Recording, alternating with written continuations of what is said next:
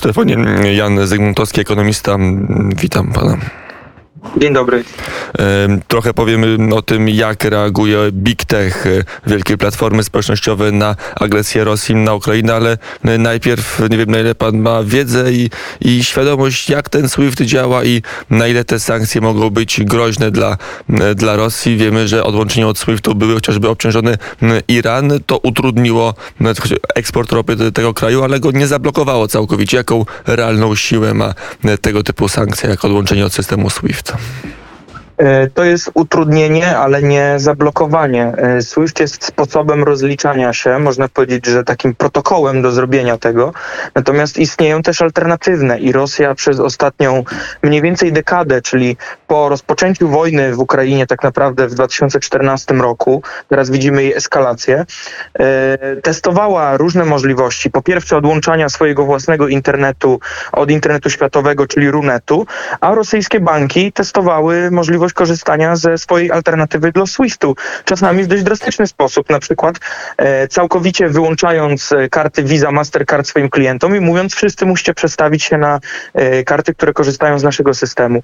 Więc myślę, że to jest spowolnienie, ale są e, dużo dotkliwsze e, sankcje, które jeszcze mogą być zastosowane i oczywiście powinny być. Mm, powinny być, na ile one mogą zadziałać już, bo Joe Biden mm, w swojej ostatniej konferencji mm, w dniu wczorajszym mówił, że te sankcje, które przyjęto bez SWIFT-u, tak na to jeszcze czeka cały wolny świat de facto. Jak się patrzy na media czy opinię publiczną, bardzo niewiele jest osób, które jest temu niechętne. Chyba tylko już w Berlinie pozostają ostatnie wątpliwości. Na jak szybko one zadziałają? Joe Biden mówił, że to jest kwestia miesięcy, a nie, a nie dni. Jaka jest pan, pan pańska opinia?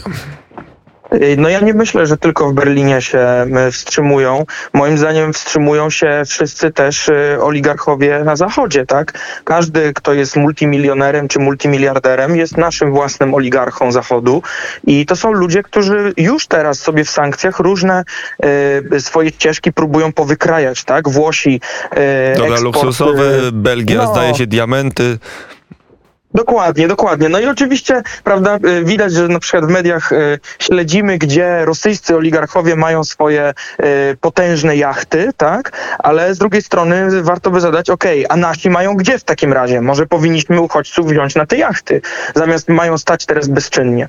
Moim zdaniem to właśnie tutaj, w sensie z, od, od strony też naszych najbogatszych idzie taka niechęć, no bo popsuje to biznes. A mam wrażenie, że zwykli ludzie jednak mają poczucie, no dobra, zaciśniemy zęby, tak, bo to się na pewno odbije gospodarczo, ale skoro przeżyliśmy 20 rok, tak, i pandemię i udało nam się przez to przejść dla dobra zdrowia publicznego, to tym bardziej dla Ukrainy to zrobimy. E, to jest rozmowa na szerszą debatę ekonomiczną, jak rozłożyć te koszty, jeżeli chodzi o, o te ponies, poniosło społeczeństwa, tak żeby nie ponieśli ich najubożsi, ale równomiernie, a może w większym wymiarze, chociaż raz w historii ci bogatsi, ale to jest dyskusja przed nami, a teraz jest dyskusja, jak zareaguje na przykład Big Tech na agresję Rosji. Są apele, żeby odcinać pewne możliwości, czy to Facebooka, czy, czy Twittera, czy innych innych możliwości użytkowania dla, dla obywateli Rosji. Co robi Big Tech i jak się zachowuje e, w tym kryzysie? No właściwie nabrał wody w usta.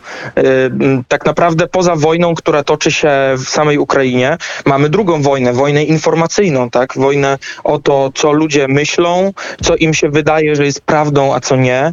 Y, I tutaj y, platformy Big Techu, myślę przede wszystkim o Facebooku, o Instagramie, TikToku, o YouTubie, który należy do Google'a, o Twitterze te platformy są właściwie w nieskrępowany sposób używane przez y, po pierwsze rosyjskie media państwowe, które co najwyżej są oznaczone, że są rosyjskimi mediami państwowymi, ale BBC też jest oznaczone jako państwowe medium brytyjskie, więc można powiedzieć, że jest to normalne traktowanie. Y, są bez skrępowania używane przez farmy botów i troli, które niestety czasami są też ulokowane w innych krajach niż Rosja, więc to wymaga pewnego, mm, pewnego pochylenia się nad problemem, tak? I wreszcie no mamy problem, y, że tak to określę, pożytecznych idiotów, tak? Tak? Ludzi, którzy wykorzystują teraz tą szansę, żeby nakręcać spiralę strachu, że brakuje nagle benzyny, żeby ludzie biegli do bankomatów, bo to się klika, a na tym można sobie zarobić. Platformy nic nie robią. Facebook na razie ogłosił, że e, rosyjskie państwowe media nie będą więcej zarabiać na reklamach, a, i nie będą mogły kupować tych reklam, ale dalej mogą używać algorytmów, postować i robić wszystko inne, to co każdy użytkownik. E, No i mamy e, przykład, gdzie Apple Pay powiedział, że, e, znaczy Apple powiedział, że Apple Pay nie będzie funkcjonował w Rosji, ale w dalszym ciągu wszystkie aplikacje w App Store funkcjonują, tak? Więc to są takie działania pozorowane i moim zdaniem powinniśmy włączyć usługi świadczone przez Big Tech po prostu do listy sankcji. To jest najskuteczniejsze i najszybsze działanie. Na ile by to mm, utrudniło nie tylko działanie e, przysłowiowym nastolatkom w Rosji, ale w ogóle uderzyło w rosyjską gospodarkę, uderzyło w podstawy reżimu Putina. Yy, No, No sądzę, i Łukaszenki że... też nie zapominajmy, że e, wojna jest też prowadzona z e, terytorium Białorusi. Oczywiście. Przede wszystkim tutaj możliwości są przez y, włączenie y, Google'a i Apple'a do sankcji, no bo to są systemy operacyjne telefonów. Jeśli wszyscy zobaczą, że nagle aplikacje nie działają lub działają wadliwie, no to każdy przeciętny obywatel zrozumie, że chyba właśnie n- no, przekroczyli tą czerwoną linię.